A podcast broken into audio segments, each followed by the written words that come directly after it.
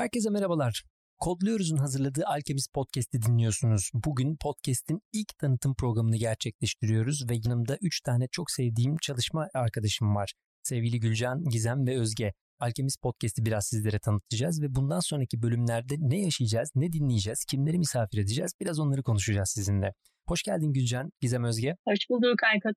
Hoş Merhabalar, hoş bulduk. Gülcan, podcast mecrasında Kodluyoruz ilk defa yer alacak e, Alchemist'te bu yayınların ilk serisi. Çok da keyifli konuklarımız var. Biraz anlatsana bize niye böyle bir yere girdik? Niye böyle bir şey yapıyoruz? Kodluyoruz buradan ne bekliyor? Aslında Kodluyoruz'un ilk günden bu yana yapmaya çalıştığı şeylerden bir tanesi Türkiye'deki kaliteli, Türkçe, e, ücretsiz birçok insana ulaşabilen yayınları arttırmak ve e, Türkiye'deki insanların e, daha kaliteli içeriklerle vakit geçirmesi, kendi geliştirmesini sağlamak. Hatırlarsın e, bizim ilk oluşturduğumuz e, açık kaynak yazılıma nasıl başlarım kaynağıydı. E, St. Louis'te hazırladığımız. 50 bin kişi tarafından kullanılmıştı. O günden beri de aslında bir şeyi görmüş durumdayız. E, kaliteli, gerçekten insanlara bir şeyler öğretebilecek, zamanlarını iyi kullanmasını sağlayacak kaynak sayısı ne yazık ki halen çok düşük. Ve Code geçtiğimiz 3 yılda buna yönelik birçok katkı sağladık. En son Harvard Üniversitesi'nin CS50 dersini Türkiye'ye getirerek zaten büyük bir katkı sağladık sektöre. E, şimdi de tabii ki bu podcast sektörünün büyümesiyle ve özellikle insanların burada çok fazla vakit geçirmesiyle beraber dedik ki neden biz şu anki kaynaklarımızı, şu an öğrendiklerimizi bu insanlara açmıyoruz? Ve tabii ki senin de podcast girişimlerinle beraber aslında senin e, yaptıklarını görünce hepimizin heyecanlanması mümkün değildi. Dolayısıyla e, bunu herkese açmaya, bildiklerimizi herkese paylaşmaya karar verdik. E, hakkını yemeyelim. Kodluyoruz tabii kurulduğu günden bugüne kadar aslında farklı mecralarda sürekli içerik üretiminde devam ediyor. Yani Medium'dan tutun kendi bloglarına kadar, web sitesine kadar ee, özellikle mezunlar grubunun içerisinde sürekli içerik üretenler birazdan onu Gizem ve Özge ile de konuşuruz aslında. Ee, sürekli dinamik bir içerik üretimi söz konusu. Dolayısıyla benim için de bu mecranın içinde olan biri olarak podcast tarafında e, kodluyoruz'u bu tarafa sokmak için e, yeteri motivasyonum hep vardı. Sende de zaten o motivasyon olduğu için bence harika oldu. E, tabii buradan sonra da şey tarafına geleceğim. Yapay zeka tarafındaki adımlara, Türkiye'deki bu işi geliştirme noktasındaki yaptığımız işlere ve Kodluyoruz'un çıkardığı işlere geleceğim. Oradan da aslında yapay zeka danışma kuruluna geleceğim ki e, danışma kurulundaki üyeler aslında önümüzdeki günlerde Alchemist Podcast'in e, yeni konukları olacaklar ve farklı farklı alanlardan yapay zeka anlamında birçok gelişmeyi anlatacaklar. E, oradan da çok heyecanlanıyoruz. Biraz o tarafı da bize anlatabilir misin? Hem bu yapay zeka danışma kurulu neydi? Niye kuruldu içeride?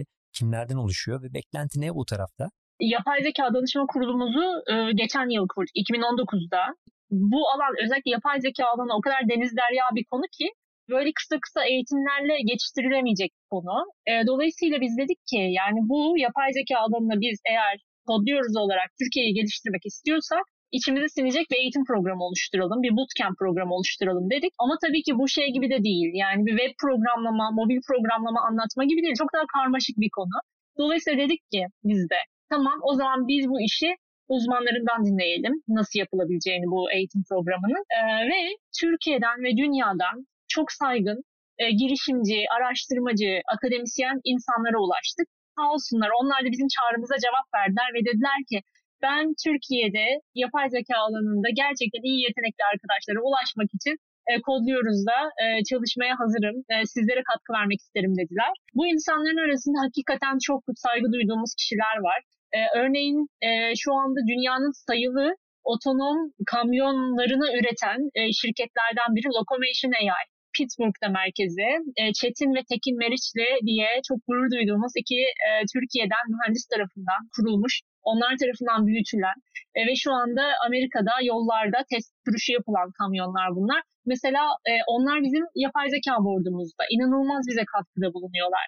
Bunun dışında Google Brain'den insanlar, Microsoft'tan Beyaz Saray'a dahi e, danışmanlık veren insanlar, e, dünyanın en inovatif şirketlerinden bir tanesi olan Park Xerox'un CEO'su Tolga abi, yani o kadar kıymetli insanlar ki CERN'den gelen insanlar, e, Silikon Vadisi'nde büyük danışmanlık verip Türkiye'ye dönmüş e, arkadaş hoca gibi insanlar. E, bu kişilerle beraber bir board oluşturduk. E, ve e, Alchemist Podcast'inde de dedik ki en güzel seçim herhalde bu kişilerle başlamak olur. Onların deneyimini insanlara ulaştırmak o kadar kıymetli olur ki. Çünkü biz kendimiz de e, yapay zeka danışma kurulumuzla buluştuğumuzda çok heyecanlanıyoruz. Onlardan sürekli yeni bir şeyler öğreniyoruz. Dolayısıyla böyle bir podcast yayınıyla da e, Türkçe olarak bu insanlar yaptıklarını bir anlatırsa e, daha çok duyulur. Çünkü daha çok duymamız gerektiğini, yani özellikle bu insanları daha iyi tanımamız gerektiğini düşünüyoruz. Dünyada şu anda birçok alana inanılmaz bir katkılar yapan birçok Türkiye'den insan var. Biz biraz onları da bu podcast'te görünür kılmak istiyoruz. Çünkü hakikaten ilham almamız kaçınılmaz bir insanlardan. Çok çok güzel işler yapıyorlar. Biz biraz da buradaki ağımızı yani dünyada böyle tanıdığımız güzel insanları da burada biraz Türkiye'ye de tanıtmak istiyoruz açıkçası. Harika Gülcan kesemedim yani seni konuşmanı dinlerken. Beni gerçekten çok heyecanlandıran bir şey var. Ee, şimdi birazdan Gizem ve Özge'ye dönmeden evvel onu söyleyeceğim. Ben üzerine basa basa e, kayıtlarda da bunu tekrar konuşuruz. E, beni en çok heyecanlandıran şey Türkiye'den çıkmış, Türkiye'deki kaynaklarla eğitimlerini almış, yurt dışında bunları devam ettirmiş ve iki farklı kültürün, üç farklı kültürün e, hamurunu yoğurmuş insanların bir yandan yurt dışında muazzam işlere imza atarken bir yandan da Türkiye'deki bu gençlere e, bir şeyler katma çabası. E, çünkü hep şey konuşuyoruz ya, ya Türkiye'de kimse bir şey yapmıyor, Türkiye'de hiçbir şey olmuyor, gençlere kimse fayda sağlamıyor sorusuna aslında burada şeyi yanıtlamış olacağız. E, durumuna karşında şunu söylemiş olacağız. Hayır bakın burada e, birçok insan dünyanın en iyi yerlerinden gelmelerine rağmen e, bu gençler için bambaşka vakitler ayırıp işler yapıyorlar. Demek bence gerçekten çok kıymetli diyeyim. Bir de şimdi Gizem'le Özge'ye döneyim. E, sevgili Gizem Özge hoş geldiniz. Hoş bulduk. Hoş bulduk. Benim için çok heyecanlı. E, uzun süredir ben podcast kaydı yapıyorum ama hani kodluyoruz içerisinde hem bir kodluyoruz için bir podcast yapmamıştık hem de sizinle ilk defa podcast kaydı yapacağız. Sizin de ilk podcastiniz değil mi? Bayağı heyecanlı. Evet, evet. Oldukça heyecanlı. Yani benim için şu çok keyifli. Bilmiyorum siz ne hissediyorsunuz onu soracağım. Neticede e, kodluyoruzun bütün bu yaptığı işlerin arasında bütün bu işlerin arkasında aslında sizler varsınız ve ekipteki diğer arkadaşlarımız var. Dolayısıyla içeride neler olduğunu ilk gözden siz görüyorsunuz ve deneyimliyorsunuz. Hem gençlerin tepkilerini alıyorsunuz hem de firmaların, markaların bizimle olan ilişkilerini görüyorsunuz. Dolayısıyla bence çok hakimsiniz olan olaya. Bütün bu içerik üretimi e, sizce gençlere nasıl ulaşıyor? Tek tek bir sorayım. Mesela önce Gizem'e sorayım. Bir yandan işte içeride Medium tarafında ulaştırdığımız içerikler var, ürettiğimiz içerikler var. Şimdi podcast tarafında yenisine gireceğiz. Ama gençlerin bu taraftaki tüketimi nasıl ve kodluyoruz'u takip eden eğitim alanlar bu tarafa nasıl bakıyorlar? Ve sence podcast buraya nasıl bir etki yaratacak? Türkiye'deki gençler için şey diyebilirim ben gelen talepler doğrultusunda bu alanda ciddi bir eksiklik olduğunu zaten sürekli söylüyorlar kaynak olarak hem Türkçe kaynak olarak ya biz sürekli bu taleplerle zaten karşılaşıyoruz ve bu doğrultuda içerikler oluşturmaya çalışıyoruz. İşte bahsettiğim Medium yazıları bunlardan biri. Gençler bunu aslında üretip ya hem üretiyorlar hem tüketiyorlar öyle söyleyeyim. Yani Medium yazılarımızı zaten tamamen bizim mezunlarımız yazıyor ya da eğitmenlerimiz yazıyor. Ee, onların yazıları oluyor. Yani hem tüketen hem üreten bir döngü içinde aslında bu yazılar. E, bu alanın, yazım alanının talepleri doğrultusunda biraz yön vermeye çalışıyoruz ona. Gizem peki bize biraz Kodluyoruz'un podcast kanalı dışında ürettiği diğer içerik kaynaklarından da biraz bahsedebilir misin? E, yakın zamanda Harvard Üniversitesi ile Kodluyoruz'un gerçekleştirdiği bir ortak çalışma oldu mesela. onu da biraz anlatarak başlayabilirsin. Neydi bu ortaklık? Ben biraz CSFT'den bahsedebilirim. Önemli bir kaynak. Harvard Üniversitesi'nin ünlü bilgisayar bilimlerine giriş dersi aslında. Ee, biz onu tamamen Türkçeleştirdik ve şu an herkesin e, ulaşımına açık bir şekilde 7'den 77'ye ücretsiz ve online bu da bizim oluşturduğumuz bir diğer önemli açık kaynak. İnsanlar bu, bu ders alarak aslında bilgisayar bilimlerinin onlarını atabiliyorlar. Bu tarz böyle kaynaklar oluşturmaya çalışıyoruz elimizden geldiğince. Ama dediğim gibi bu tarafta aslında gençlere baktığımızda hem üretkenler aynı zamanda tüketiyorlar da güzel bir şey bu. Bunu talep etmeleri, istemeleri ve üretmek istemeleri de çok önemli.